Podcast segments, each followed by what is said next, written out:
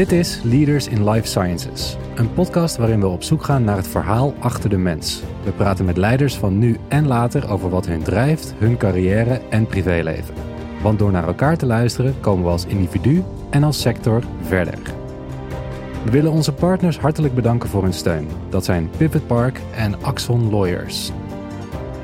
Te gast iemand die perfect de brug slaat tussen publiek en privaat. En dat is hoog nodig, want met alle verschillende financieringsvormen en alle regels waar je aan moet voldoen, is er stroomleiding nodig. De eerste dingen die we gedaan hebben, is gekeken hoe we die processen zoveel mogelijk kunnen alignen. Ze was onder andere CEO van een bedrijf gespecialiseerd in het ontwikkelen van robots voor microchirurgie directeur van een universiteitsspin-off. Ik heb drie keer naar die baan gesolliciteerd. Dat, uiteindelijk na een jaar had ik hem. Heeft verschillende voorzittersrollen gehad en is nu het boegbeeld van de topsector. Uh, toen ik benoemd werd als boegbeeld, ook van mijn vrienden wel andere mooie gefotoshopte plaatjes uh, daarvan gekregen. en dit alles is begonnen bij Philips.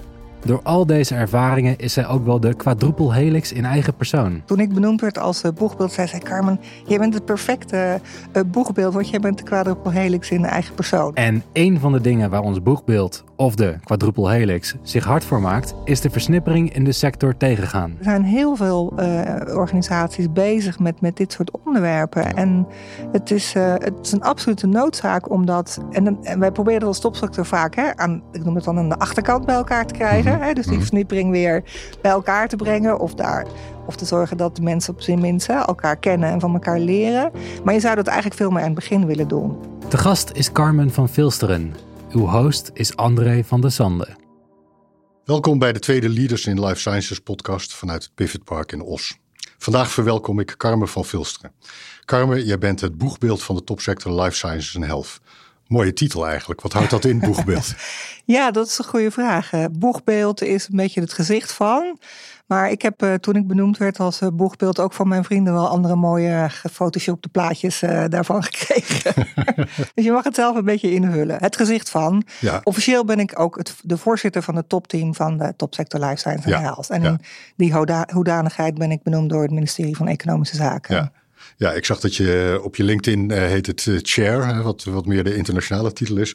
Maar boegbeeld suggereert toch iets groters, hè? Op de een of andere manier. Ja, het gezicht van. Het gezicht van, ja. Nou, leuk. Uh, goed, voordat we verder gaan praten over jouw rol bij de topsector. misschien eerst even terug naar, naar jouw jeugd, naar jouw opleiding, waar je vandaan komt, et cetera. Ik heb begrepen dat je in Barendrecht bent opgegroeid. daar ben je ook naar de middelbare school gegaan? Nee, in, in Barendrecht was geen middelbare school. Ik heb daar naar ben daar naar de lagere school gegaan. Barendrecht was toen nog een vrij klein eh, dorpje onder Rotterdam. Ja. Met, ik geloof, 10, eh, 15.000 eh, inwoners. Later is dat een hele grote Phoenix-locatie geworden. Dus ik ken het ook nauwelijks meer terug, moet ik zeggen, als ik daar ben. En ik zat op school in Rotterdam, het Montessori Lyceum in oh, Rotterdam. Oké. En nou zijn de meeste mensen, als je 17, 18 bent, is het nog heel moeilijk voor te stellen wat je nou eigenlijk gaat studeren. Uh, jij hebt daar een hele duidelijke keuze in gemaakt, Industrial Design en Engineering in, in Delft.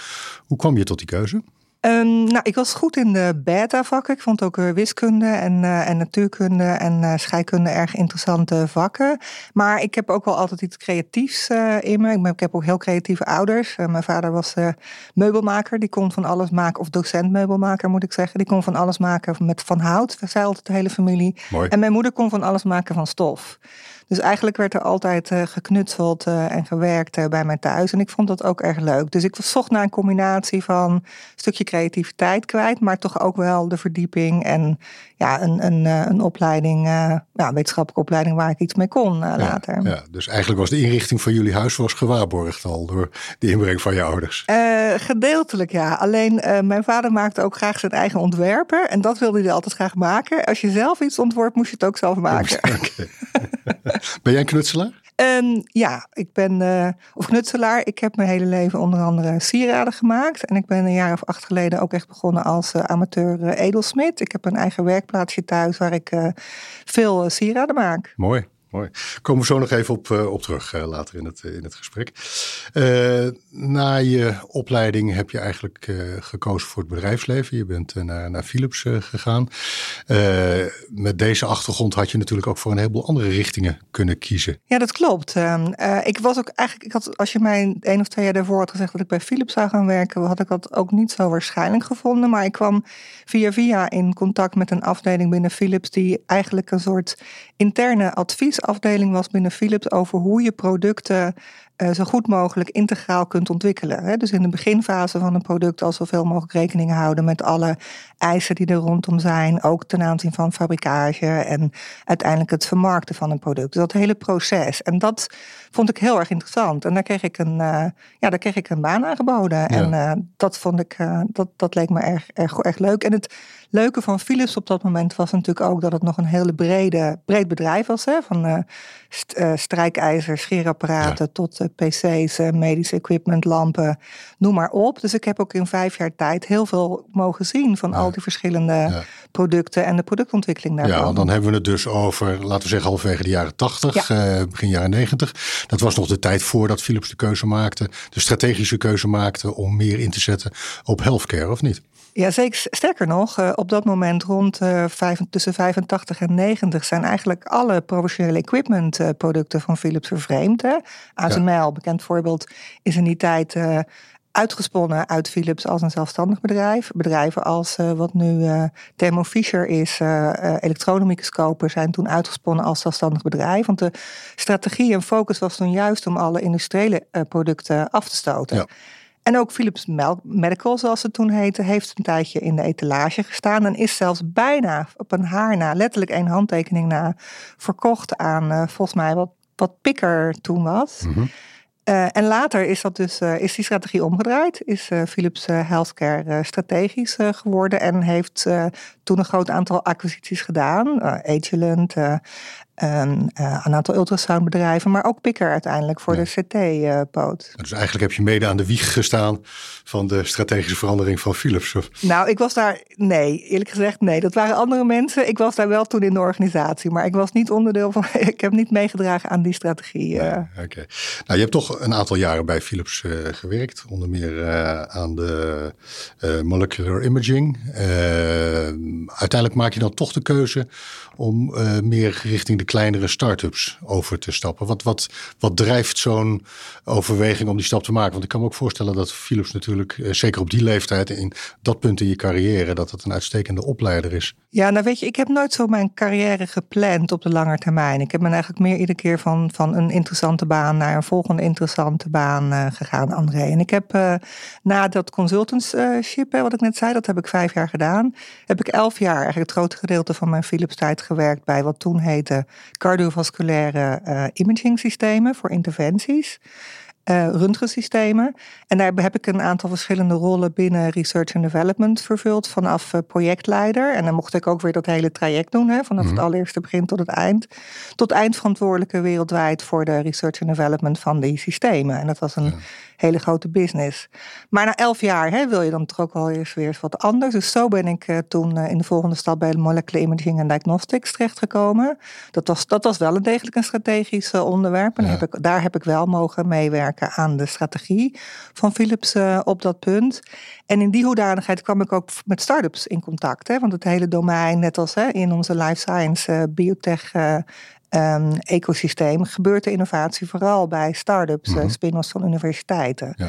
Dus als, als um, uh, verantwoordelijke voor uh, molecular imaging diagnostics binnen Philips heb ik dat uh, gebied toen ook leren kennen. Samenwerking met universiteiten, samenwerking met de start-ups daarvan. Dus zo werd ik getriggerd ook door de start-up wereld. En. Dus toen ik iets anders wilde, ja, ik had natuurlijk al een hele leuke baan binnen cardiovasculair gehad. Ik hoefde dat niet hetzelfde te doen voor MR of voor ultrasound. Mm -hmm. Ik had een hele leuke strategische baan gehad. Dus dat was voor mij wel een goed moment om, om, uh, om, om, daar, om naar iets anders te stappen. En wat eerlijk persoonlijk ook speelde, of misschien qua cultuur, ik ben daar ook wel een beetje tegen het glazen plafond uh, aangelopen ja. Binnen Philips. Dus het was ook wel een uh, gedeeltelijk dat ik dacht, ja, ik wil eigenlijk niet meer binnen Philips verder. Ja, het glazen plafond is een onderwerp wat jou bezighoudt, dat weet ik. Daar komen we zo meteen ook zeker nog even op, op terug. Overigens is dat mijn eigen perceptie. Hè? Ik moet natuurlijk wel, ik kan, er zullen misschien ook mensen meeluisteren van Philips of, of meeluisteren van collega's uit die tijd. In mijn beleving ben ik daar tegen het glazen okay. plafond aangelopen. Kleine disclaimer. Ik het niet kan bewijzen. Maar dat gevoel, dat, dat gevoel, en het voelde ook zo als ze ja. heel hard tegen het glazen plafond Ja, ja. Nou, wat natuurlijk voor veel mensen ook een rol speelt, uh, is dat als je een tijdje in de corporate wereld hebt meegedraaid uh, en eigenlijk altijd maar misschien een stukje van het totale proces uh, kunt managen.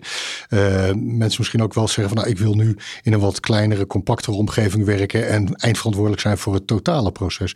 Was dat ook een overweging die bij jou een rol speelde? Nou nee, want ik had natuurlijk als R&D-manager had ik het totale proces van innovatie wel degelijk natuurlijk onder mijn verantwoordelijkheid. Niet zozeer hè, de marktintroductie enzovoort. En ik was niet uiteindelijk business uh, verantwoordelijke.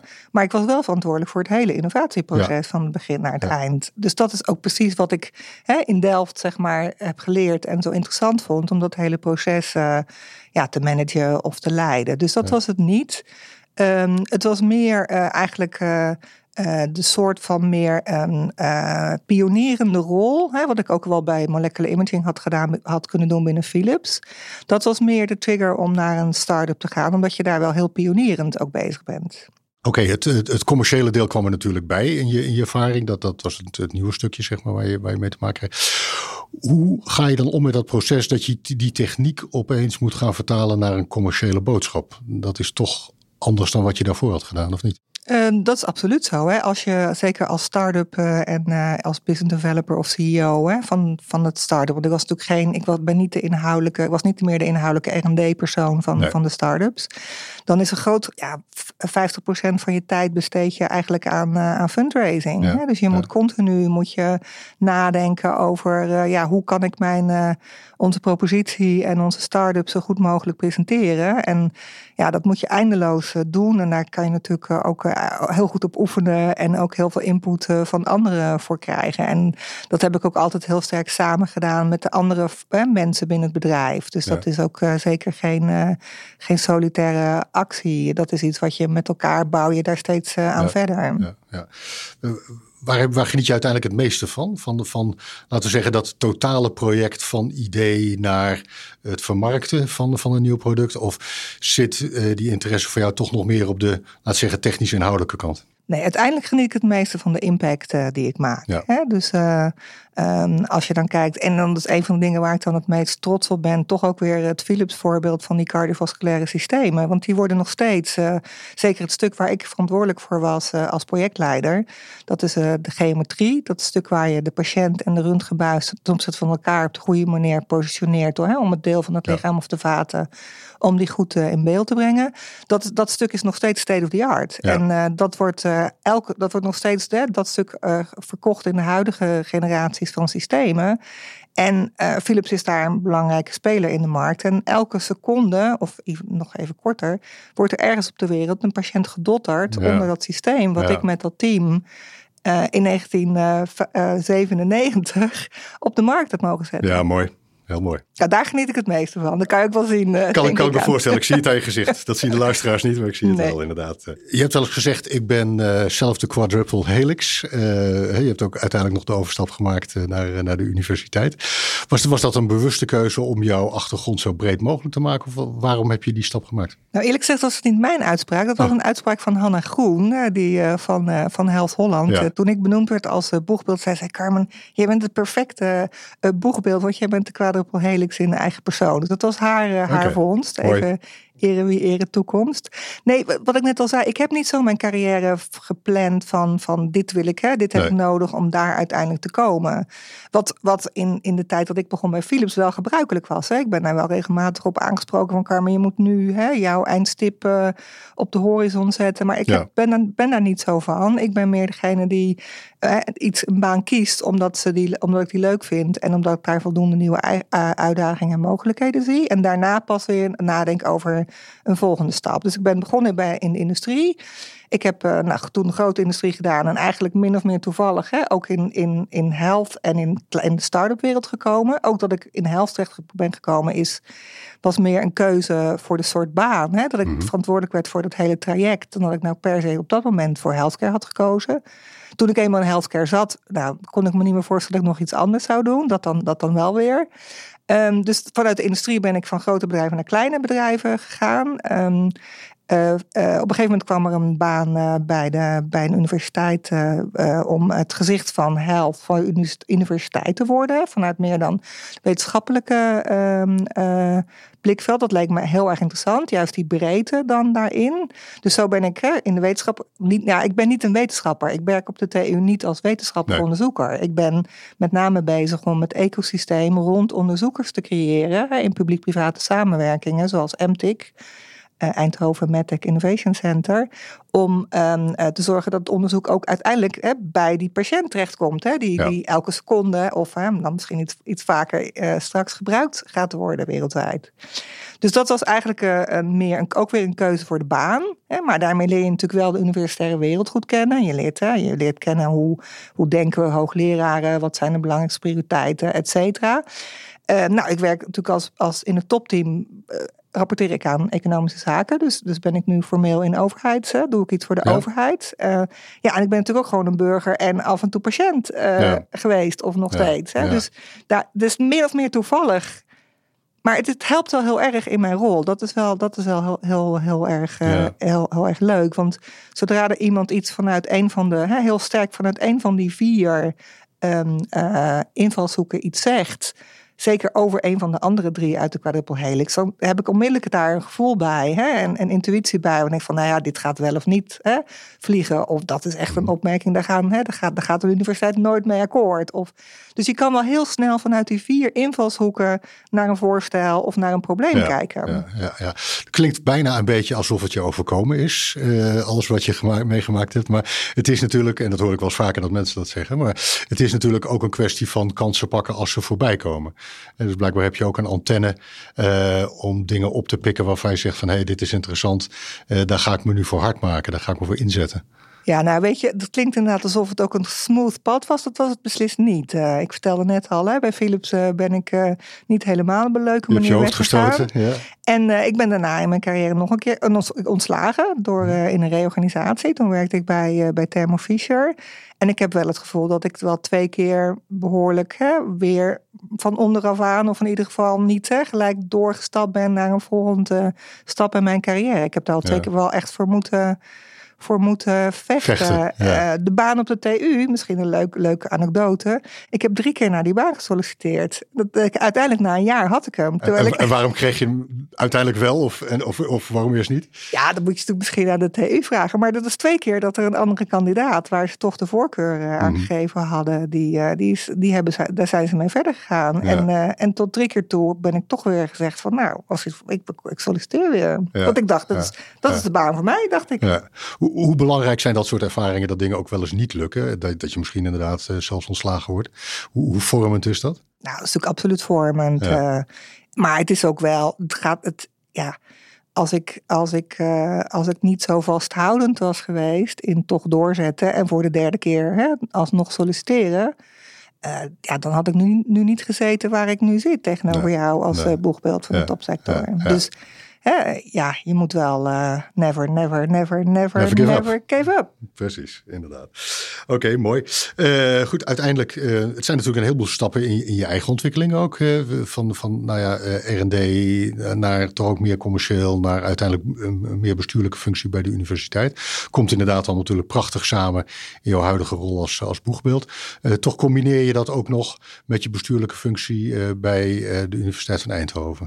Ja, dat klopt. Ik was, ik, uh, sinds 1 januari doe ik daar nog maar een stukje van. Met name het stuk waar ook werk. Ik vind dat we daar de meeste impact uh, mee maken. Ik ben directeur van het Eindhoven MedTech Innovation Center.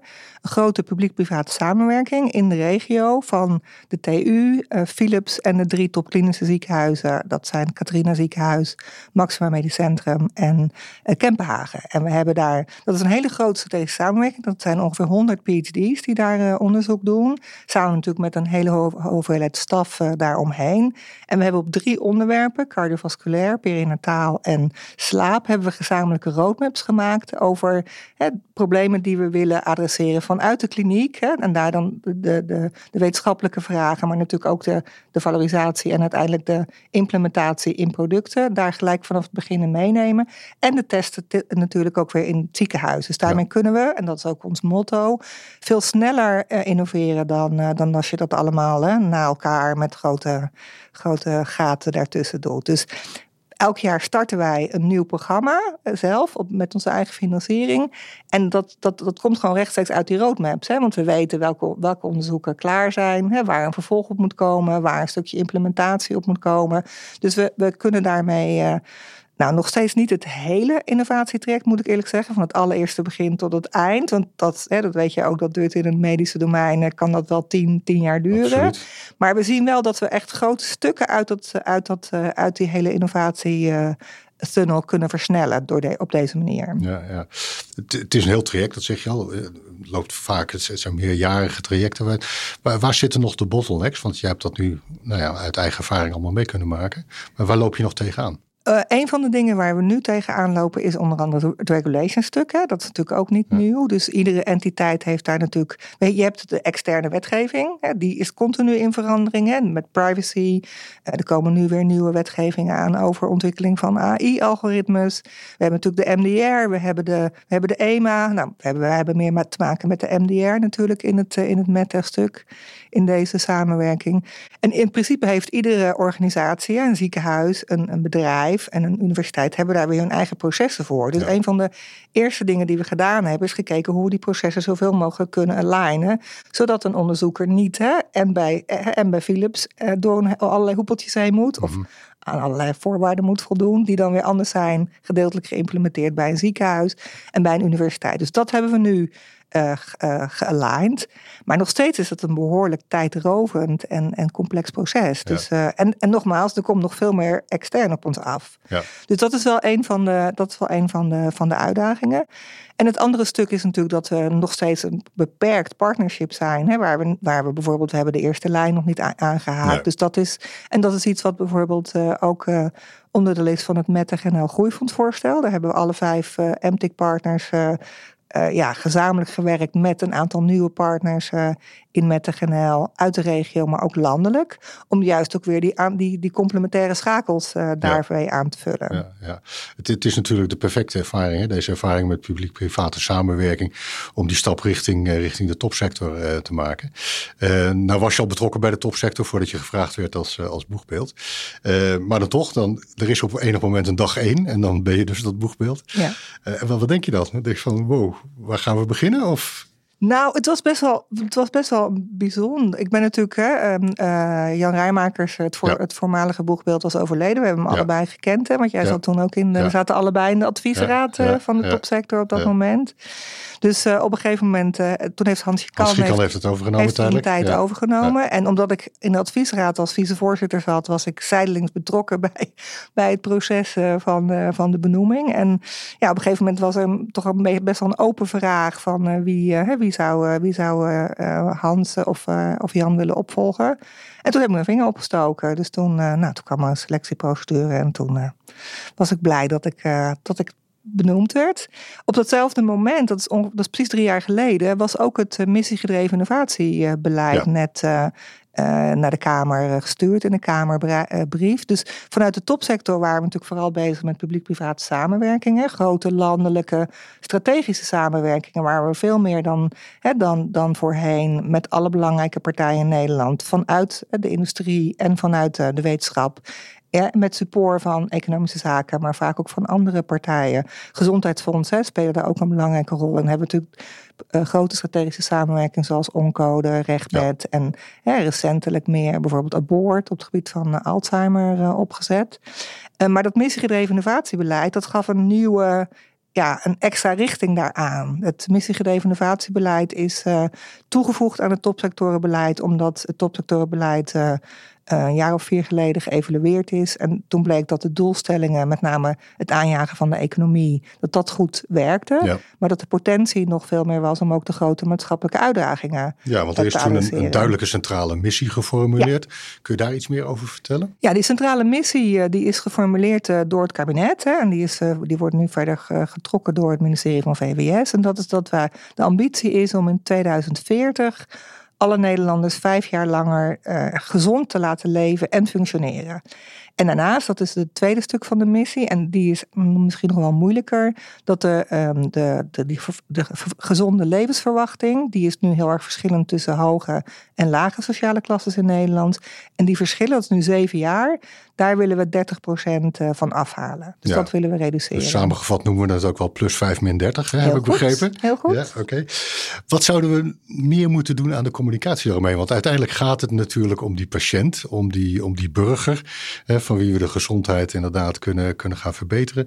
Hoe, hoe zou je die daar meer bij kunnen gaan betrekken, zodat het niet zeg maar uh, met alle respect uh, een, een, een, een speeltje tussen aanhalingstekens uh, is van de topsector of van, van, van EZK en VWS? Um, nou weet je, er gebeurt heel erg veel, maar ik ben het met je eens dat we daar nog steeds niet goed over communiceren. Dus, de, dus de patiëntenfederaties en, de, en allerlei gezondheidsfondsen en de patiënt zijn heel nadrukkelijk betrokken in, in, in, in, in alle missieteams waarin we dus programma's bedenken, die, of programma's met elkaar gezamenlijk maken, die allemaal een stukje zijn naar die centrale missies. En dat hebben we natuurlijk onderverdeeld in een aantal submissies enzovoort. Maar de communicatie daarover is nog steeds, vind ik, uh, inderdaad niet zo goed. Het staat overigens wel heel expliciet in het regeerakkoord. Hè? Dat mm is, uh, dus in het regeerakkoord staat heel expliciet dat, uh, dat Nederland doorgaat met het missiegedreven topsectoren innovatiebeleid. Dus dat is al een hele goede stap. In het vorige regeerakkoord stond het nog niet, want het is eigenlijk halverwege de regeerperiode hè, is het pas geïntroduceerd. Dus daar ben ik al heel erg blij mee. Maar ik vind ook dat, dat het nog veel, veel, veel meer de aandacht mag krijgen. Zodat daar lopen we een beetje tegenaan dat we natuurlijk in Nederland heel veel verschillende initiatieven hebben. En hè, dat vaak iedereen weer zijn eigen nieuwe initiatief bedenkt. Hè, en dan ook weer zijn eigen. Daar zijn we heel goed in, hè? Heel goed zijn we daarin. Terwijl dit juist bedoeld is als een soort overal, hè, kapstok en paraplu. En dat wordt zorgen dat. Want we zijn het.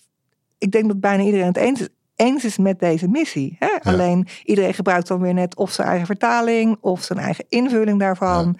En, en dat, dat, dat, is, dat is jammer. Dus daar kunnen we absoluut nog meer aan werken, André. Ja, want een van die vier missies hè, om dit eh, te realiseren is leefstijl en uh, leefomgeving. Dat is natuurlijk iets wat heel dicht bij de burger zelf staat ook. Hè? En de invloed die we daarop eigenlijk moeten pakken, als het ware. Uh, die verantwoordelijkheid zelf ook nemen daar, daarin.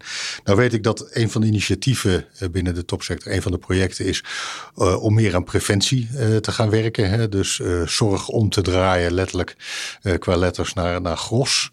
en Grosserdammen, kun je daar iets meer over vertellen?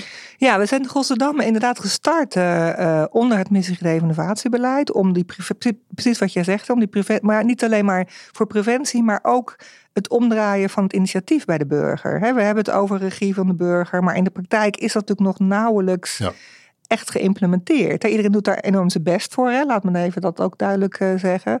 Maar uh, in de Rotterdammen ligt het initiatief echt bij de burgers. Dus waar, we hebben vooral ook gekeken naar waar gebeurt dat al. Hè? Want dat is niet, ik bedoel, ik zei net, wij hebben het opgepakt uh, bij het begin van het missiegedreven innovatiebeleid. Maar er zijn al burgerparticipaties op het gebied van gezondheid. Die dateren al van, van, van, van veel eerder. En dan moet je denken aan hè, bijvoorbeeld dorp Leende, waar de, waar de slager en de huisartsen een initiatief hebben genomen om gezamenlijk hè, gezond te, te leven, tot grote uh, samenwerkingen waar al tienduizenden mensen hè, in betrokken zijn in grote buurten, zoals bijvoorbeeld uh, de Achterparier in Eindhoven. Daar liep al heel lang een beweging van ongeveer 100.000 mensen, wat gestart was vanuit het idee ja, we hebben, we hebben behoefte aan informatie over gezondheid. En hoe kunnen we meer met elkaar delen wat er gebeurt? En hoe kunnen we zorgen dat mensen makkelijker, toegankelijker een afspraak bij de apotheek kunnen maken of bij de huisarts? En hoe kunnen we ook dan het sociale stuk daarbij betrekken? Omdat natuurlijk hè, sociale contacten en zingeving ook een belangrijk onderdeel is van,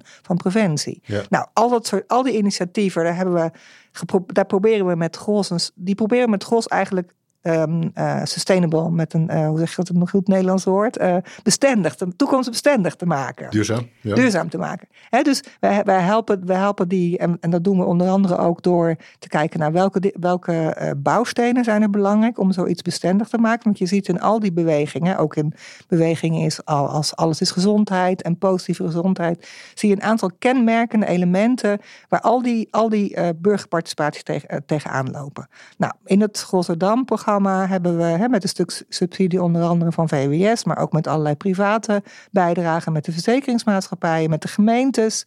Proberen we al die, al die mensen uit die quadruple helix weer bij elkaar te krijgen om te zorgen dat dat naar een volgend level gaat. En dat die, dat, dat die buurt hè, in Eindhoven van 10.000 uitgroeit naar 200.000 hè, in Eindhoven. En datzelfde gebeurt er in Utrecht en dat gebeurt er in, uh, in Deventer. Ja, want voor alle duidelijkheid, Gosserdamme, hè, dat zijn dus een aantal gemeentes die aangewezen zijn uh, om, of benaderd zijn? Nee, nee, nee, Het waren al initiatieven. Wij hebben, wij hebben okay. niemand benaderd. Ah, we hebben okay. alleen maar gevraagd, wat, wat loopt er al? En waar zijn al best practices of effective practices? En die proberen we gezamenlijk eh, naar een hoger niveau te brengen. En dat doen we ook samen met de, bijvoorbeeld met VWS en met mhm. ZonneW en met allerlei instanties daar die daar ook weer als een, als een koepel vaak overheen zitten. Maar die hebben allemaal vaak weer hun eigen hè, aanpakjes vanuit het verleden. En dat proberen we duurzaam te krijgen. En, van die, en op te schalen van wijken of buurten van 10.000 mensen naar 1 eh, miljoen mensen. Ja. En is er dan ook nog een vorm van regie in de zin van het delen van best practices bijvoorbeeld? Zeker, ja. ja. dus er zijn vijf bouwstenen benoemd. Ik weet niet of ik ze allemaal zo kan. Uh, maar bijvoorbeeld uh, leren, hè, gezamenlijk leren, ICT, uh, bekostiging. Nou, zo zijn, ik weet nogmaals, ik weet even niet alle vijf uit mijn hoofd. Daar zijn best practices bijvoorbeeld. Hè, sommige zijn, komen uit Eindhoven, andere komen uit Deventer. En wij faciliteren om, om te zorgen dat, dat, dat mensen daar van elkaar leren. En ook dat laten uitgroeien tot een duurzame burgerparticipatie. Ja, mooi. Hoe, hoe, groot is die noodzaak eigenlijk, dat, dat we hierop inzetten? Nou ja, eigenlijk is het natuurlijk, heeft het ook allemaal te maken met, uh, met het grootste nood die steeds groter gaat worden, is de bemensbaarheid van de zorg. Ja, precies. Ja. dus preventie is natuurlijk, uh, is natuurlijk een belangrijke uh, deel oplossing of aandachtsgebied daarvoor ook. Maar ook de hele informele zorg. Je ziet natuurlijk dat, uh, daar heeft uh, onder andere de Raad voor de Gezondheidszorg een mooi uh, boek, rapport over geschreven, de derde fase. Je ziet dat heel veel van de zorg gaat straks uit het informele circuit, nog meer dan nu uit het informele circuit komen. En dat probeer je daarin om natuurlijk ook te faciliteren. Ja, ja, ja. Um, ik heb ook wel eens de indruk dat we. Nederland staat bekend om de kwaliteit van de gezondheidszorg. Ehm, eh, ik, ik, heb zelf een flink aantal jaren in het buitenland gewoond en uh, gewerkt. Dan kom je terug naar Nederland. En dan valt eigenlijk die typische Nederlandse kwaliteit weer heel erg op dat we graag mopperen. En er wordt nogal wat gemopperd over, ook over de kwaliteit van de gezondheidszorg. Uh, terwijl we toch ook een heleboel dingen goed doen. Hoe, hoe, zie, hoe zie je dat? Ja, er is natuurlijk een verschil tussen wat iemand individueel hè, ervaart. En uh, hoe, hoe je dat op populatieniveau bekijkt. Nederland scoort in alle lijstjes, hè, in alle rankingen, altijd in de top drie van, van de kwaliteit van de gezondheidszorg. Ja, uh, en wij scoren niet in de top drie wat betreft de kosten hè, per, per inwoner. dus, dus in die zin doen we het, doen we het best wel redelijk, op zijn minst. Ja, ja. Um, maar iedereen heeft natuurlijk zijn eigen ervaringen. En en er kan natuurlijk ook nog steeds heel veel dingen kunnen nog steeds beter. Die, die versnippering die ik net al een beetje hè, uh, niet noemde, maar hè, die, die je tussen mijn woorden doorhoorde. Nederland is ontzettend versnipperd. Ik bedoel, ik zit al bijna 30 jaar in het helftdomein. Ik kom nog steeds soms organisaties tegen, André, waarvan ik nog nooit gehoord heb. En die iets doen ergens in het proces van, uh, van uh, um, ja, iets in het proces doen van de gezondheidszorg. Ja, ja, ja. ja als ik dit zo allemaal hoor, hè, wat, wat er speelt en de uitdaging die er ligt. Ik heb ook wel eens gehoord dat als we niet uh, iets gaan doen aan de bekostiging van de gezondheidszorg in Nederland. Dat we, ik geloof, de huidige 23% die we op dit moment uitgeven aan, aan gezondheidszorg voor de gemiddelde Nederlander. Dat dat heel snel op zou kunnen lopen tot 40%. Dat wordt onbeheersbaar inderdaad. Uh, ook al zijn we dan nog redelijk efficiënt ten opzichte misschien van een aantal andere landen in het buitenland. Maar er ligt zowel een enorme uitdaging aan, zeg maar, uh, het ontwikkelen van dat, van het GROS-concept, meer in preventie denken in plaats van in zorg, als in de bekostiging van, uh, van de hele gezondheidszorg in Nederland. Hoe doe je dat in anderhalve dag per week? Um, niet.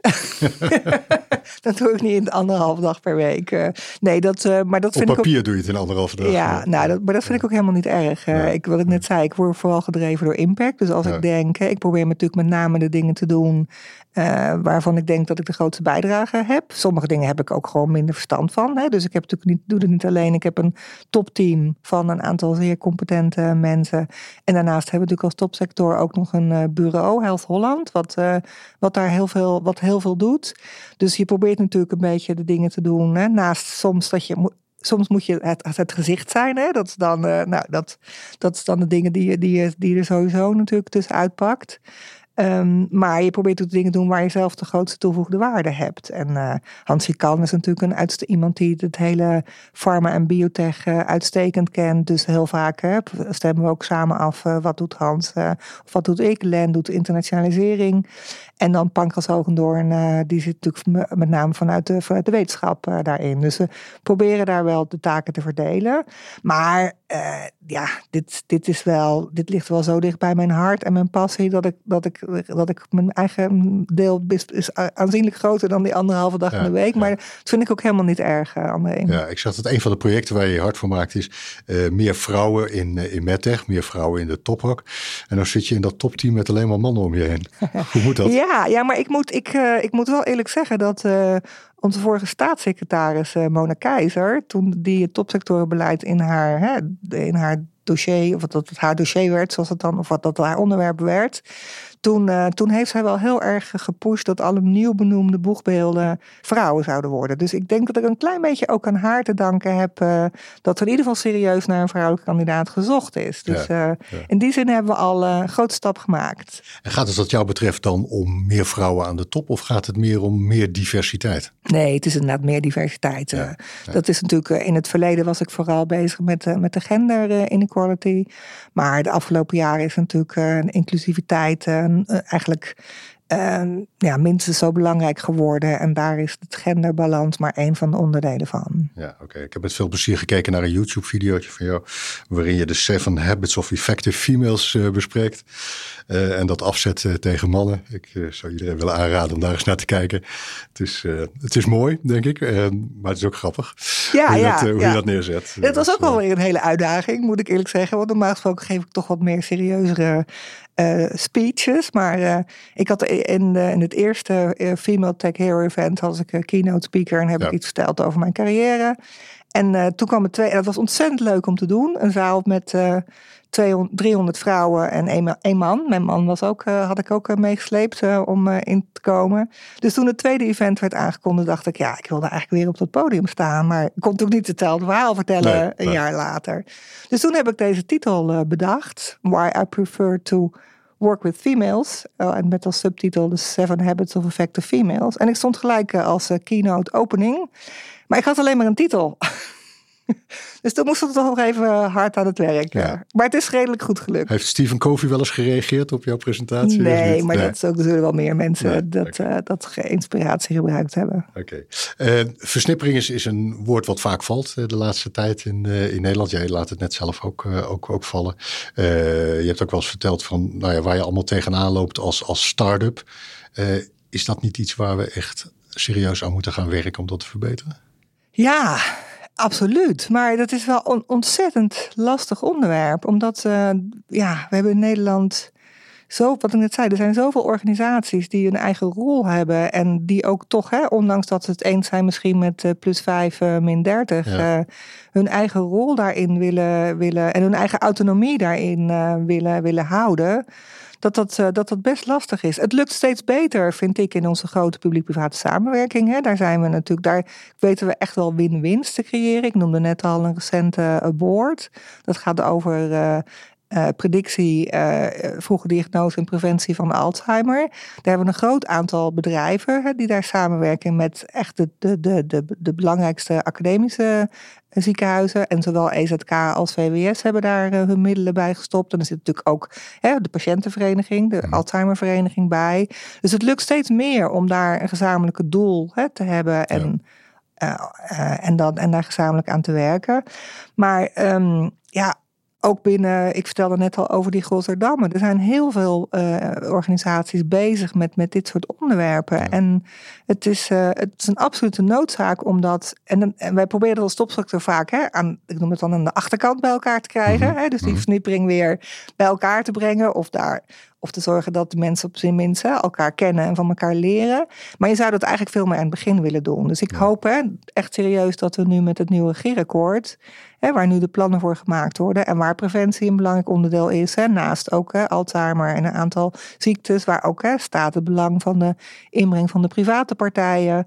Dus het innovatiebeleid, wat ik net al noemde. Uh, dus, dus ik hoop dat we daar nu bij de, en daar ben ik natuurlijk als boegbeeld ook heel actief, uh, dat we daar nu bij de planfase veel meer uh, kunnen zorgen dat we, dat we dat ja. samenbrengen. Ja, ja. Toch, hè, om er even op door te gaan. als je tegenwoordig een start-up bent en je wilt beginnen, dan loop je natuurlijk tegen een oerwoud van regeltjes en financieringsmogelijkheden. ik heb je wel eens horen zeggen van nou, je, je loopt tegen drie kantjes aan, aan informatie aan met allerlei mogelijkheden waar je aan moet voldoen, financiering die je aan kunt trekken, et cetera. Zouden we ook daar niet veel meer naar een soort krachtenbundeling moeten gaan? Ja, nou ik moet zeggen, ik vind, uh, ik vind TechLeap, hè, we, ja. vind ik wel daar, dat daar echt uh, het ecosysteem uh, verbeterd heeft. Hè. En TechLeap die stelt natuurlijk ook een aantal dingen aan de kaak waar alle start-ups tegenaan lopen. Hè. Van, vanochtend stond toevallig in het Financieel Dagblad hè, dat de wet over het Um, voor, uh, door start-up medewerkers, hè, opties en aandelenregelingen, dat dat, dat, dat, er, dat dat weer is aangeboden aan de Tweede Kamer. Dus ik zie daar wel, ik zie daar absoluut dingen gebeuren. Ook daar zie je ook wel weer een snippering. Hè. Dus er zijn enorm veel acceleratorprogramma's en dat soort dingen. Um, ik, ik, ik heb zelf het meeste gehad hè, persoonlijk aan uh, peer-to-peer contact, uh, André. Dus, ja. uh, dus vaak is het toch heel specifiek hè, waar je op dat moment tegenaan loopt. Natuurlijk hè, er zijn natuurlijk dat soort cursussen, dat moet je gewoon doen. Er zijn, er zijn allerlei programma's hè, om start-ups te helpen met modellen als om het maken van een businessplan, het maken van je pitch enzovoort. Dat moet je natuurlijk allemaal ook doen. Ja. Maar persoonlijk heb ik het meeste gehad aan peer-to-peer contact. Ja. En, uh, en dat vind ik wel jammer dat dat vaak uh, niet zoveel aandacht krijgt. Dus dat heb ik in de regio Eindhoven zelf georganiseerd. Oké, okay, dus zou, dat betekent eigenlijk vooral dat je meer in zou zetten op coaching? Um, ja, maar coaching ook van peers ja, aan elkaar. Ja, ja. Ja, Coaching van peers aan elkaar. Want vaak is heel veel dingen die, die heel veel. Je moet als start-up ook, of als, als CEO, of überhaupt als, als iemand uit een start-up, moet je heel veel dingen doen waar je eigenlijk niet goed in bent. Hè? Omdat je ze nog nooit gedaan hebt, of omdat je. Hè, of dat Vaak ook omdat je het niet leuk vindt, hè? of dat je het niet ligt. Maar je kan niet zeggen van ja, weet je, ik stuur het naar een andere afdeling. Nee, want die is er niet. Die is er niet, precies. Ja, dat ben je zelf. dus, dus je moet heel veel dingen doen die, waar je niet goed in bent. En, ja. en waar je vaak ook geen energie van krijgt, maar die wel heel veel tijd kosten. Ja. En daar is coaching hè, is eigenlijk te afstandelijk. Ja, want dan gaat iemand anders je vertellen hoe je dat moet doen. Maar daar ben je niet naar op zoek. Nee. Je bent op zoek naar iemand die heel concreet helpt van Oh, uh, heb je dat nodig? Nou, daar heb ik nog wel liggen. Hè? Je mag mijn, hè, mijn, mijn template wel gebruiken. Of, ja.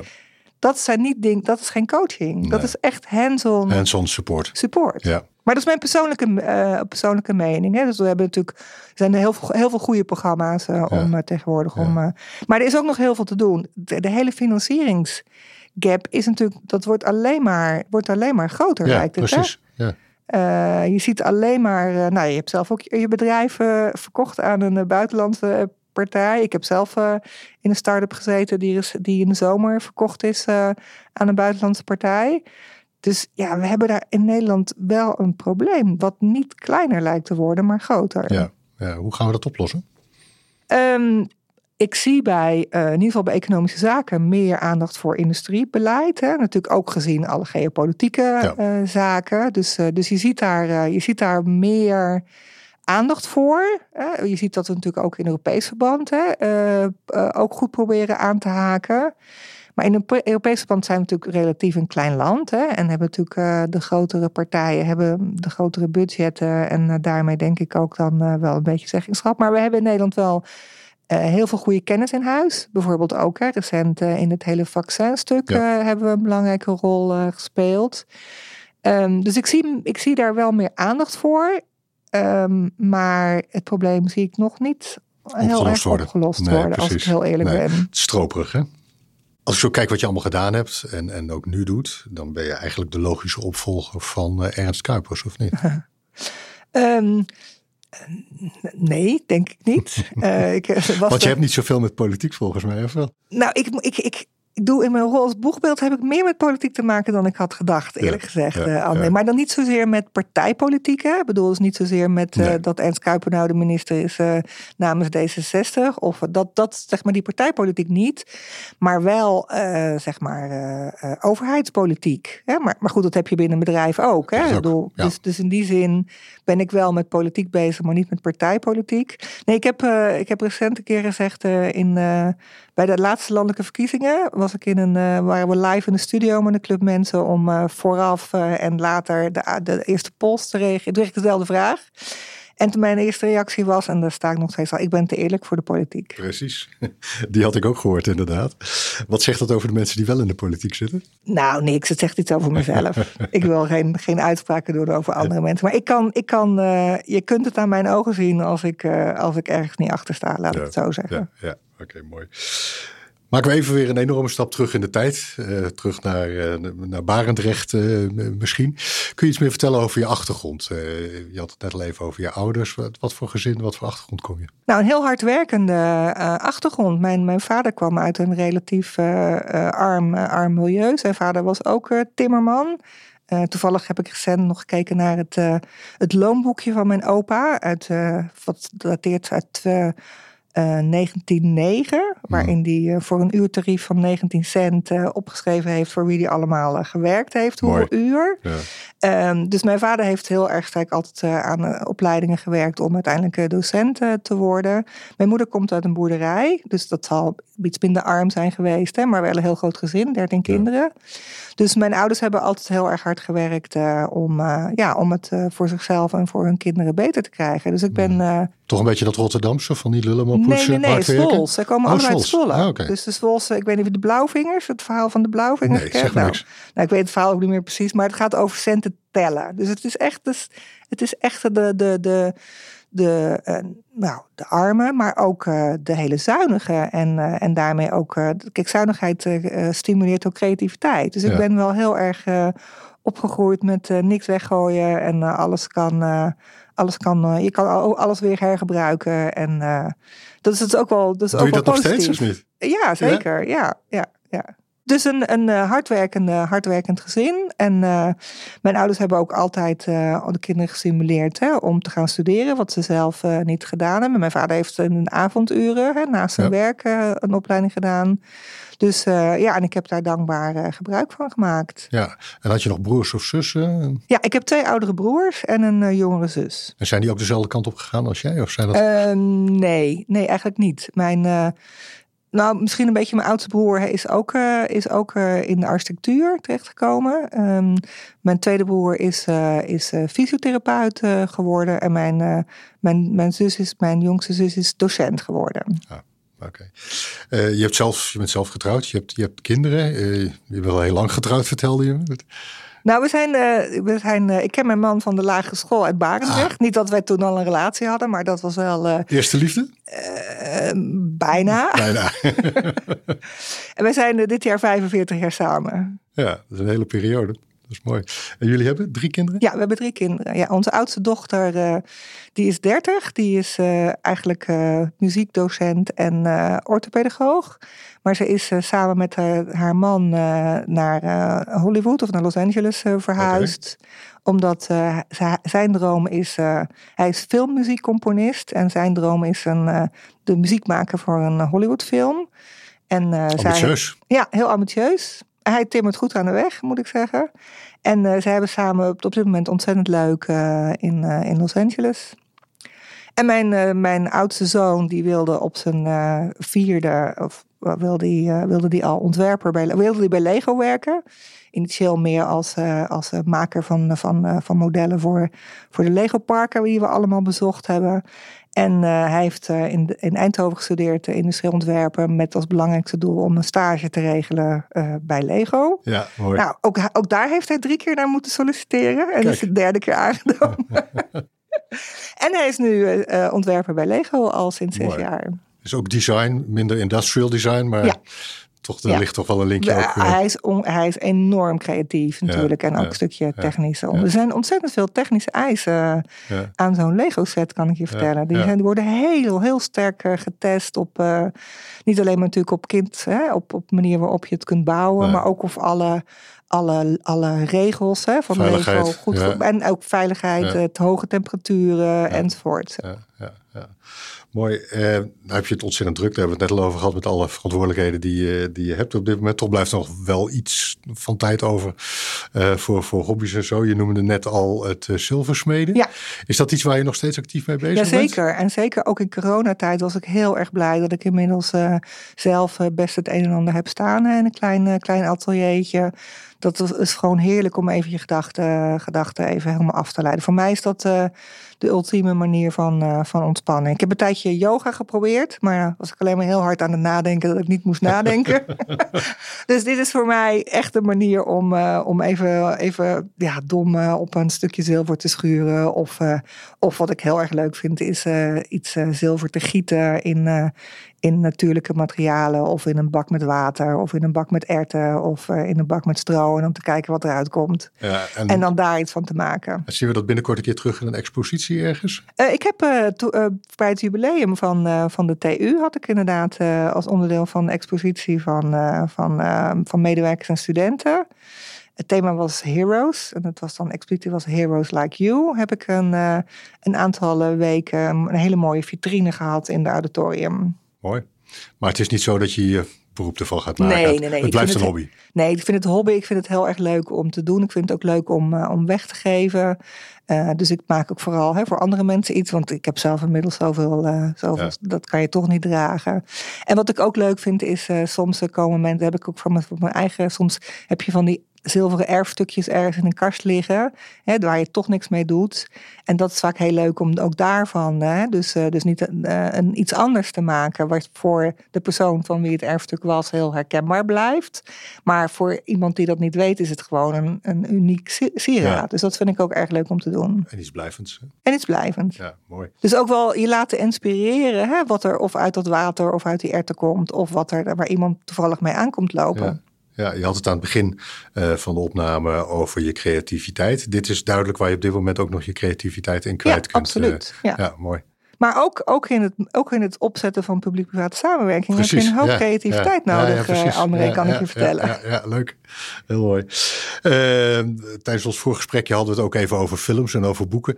En toen kwam uh, Shaki en de chocoladefabriek uh, voorbij. Heel onverwacht. Wat, wat, wat is jouw connectie met Shaki? Nou, je vroeg om, het, om, om, om mijn favoriete boek. En ik realiseerde me dat ik niet echt een favoriet boek als volwassene heb. Maar dat ik wel als kind helemaal gek was van Roald Dahl sowieso. maar specifiek van uh, in de chocoladefabriek.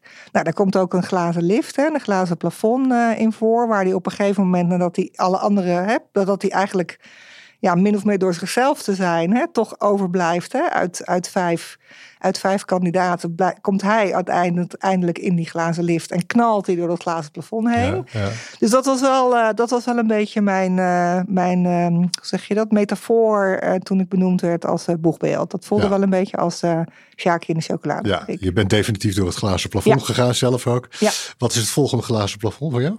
Ehm, nou, dat, nee, dat heb ik niet. Ik, dit is wel, ik kan nu, ik doe nu ook echt alleen maar de dingen waarvan ik denk, eh, hier kan ik impact mee maken. Nu vind ik leuk. Hè? Dus ik heb een aantal andere dingen ook afgestoten die ik wat minder impactvol vond. Ja. Dus ik kan op dit moment uh, bepaal ik echt helemaal mijn dag zoals ik vind dat ik dat belangrijk, dat ik dat moet of kan doen. Ja, wat, wat zijn de volgende stappen of ja, actiestappen die we mogen verwachten van, van de topsector? Wat, waar, waar richt je je focus op? Um, nou, er zijn natuurlijk, er zijn natuurlijk voor dit jaar in het Groeifonds zijn er een aantal grote groeifondsvoorstellen ingediend rond belangrijke thema's. Hè. Dus dat zullen ook zeker, zal dat van de topsector belangrijk blijven. Innovatie blijft natuurlijk sowieso heel, erg, heel erg belangrijk. Um, wat ik net al zei, hè, dus aanhaking bij de plannen uit het regeerakkoord rond, rond preventie is, is belangrijk. Dat is ook voor, de thema, voor het themateam belangrijk. Hè, want de topsector, dat is echt het publiek-privaat stuk themateam is meer de breedte van de missies. Uh, internationalisering heeft natuurlijk een tijdje op een lager pitje gezeten. Maar zeker ook, al ik net zei, alle geopolitieke dingen zijn, zijn een belangrijk eh, onderwerp. En de Human Capital Agenda, dat is een belangrijk onderwerp. Je had het net over de kosten van de zorg, dat die onbeheersbaar blijven. Maar lang daarvoor is de bemensbaarheid van de zorg al een groot probleem. Ja, zeker, zeker. Je hebt het ook over internationalisering. Uh, moeten we niet meer toe naar een meer gemeenschappelijke propositie, propositie als Nederland zijn en naar buiten toe? Ja, daar wordt heel hard aan gewerkt. Hè? We hebben twaalf, we hebben binnenkort, uh, volgens mij is Clemence uh, van Dorp ook in dit uh, programma. Die heeft daar afgelopen twee jaar ook heel hard aan gewerkt. Dus we beginnen steeds meer die nationale propositie te krijgen. Maar ook daar moeten we nog wel stappen nemen. En ook daar zie je natuurlijk dat er heel veel partijen zijn die toch hè, ook, ook, wel, ook wel hun eigen belang als eerste hebben. Wat je eigenlijk zou willen, is dat je natuurlijk dat eigenlijk iedereen in Nederland, ieder, ieder park of iedere universiteit, op de eerste plaats Nederland hè, um, vertegenwoordigt en uh, representeert in, in internationale discussies.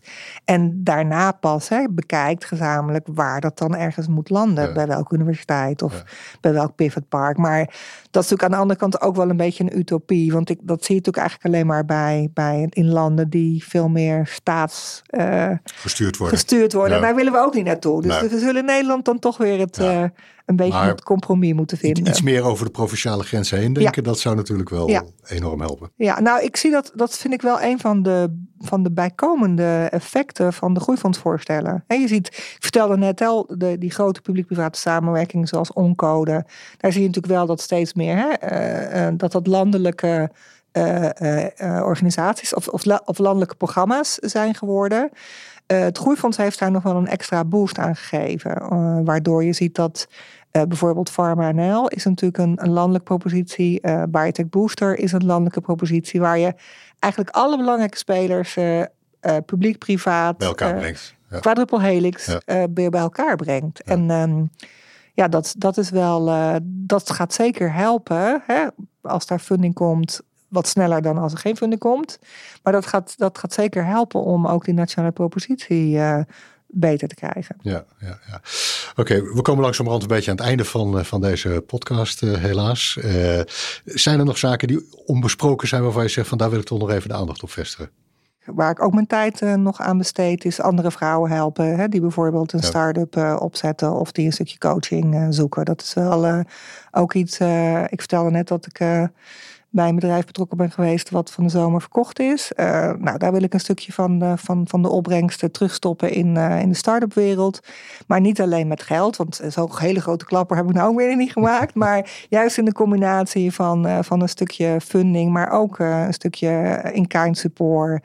Uh, coaching. en, en, met name op de dingen waar ik natuurlijk uh, zelf ook de meest toegevoegde waarde kan, kan geven. En dat is vooral in een vroeg fase. Uh, en zorgen dat hè, de funding die ik dan in zo'n start-up stop, zo snel mogelijk geleveraged wordt met andere partijen. En dat doe ik vooral voor vrouwen, omdat ik gewoon merk dat voor vrouwen het nog moeilijker is om dat eerste, die eerste schaap over de dam te krijgen. Ja. En als dat eerste schaap er eenmaal is, hè, dan, dan is het vaak een stuk makkelijker om om de andere schapen aan boord te krijgen. Dus dat is dan ook specifiek mijn toegevoegde waarde waar ik uh, iets kan teruggeven aan de start-up wereld. Nou, genoeg zaken uh, om je tanden in te zetten de komende jaren als ik het zo, uh, zo hoor.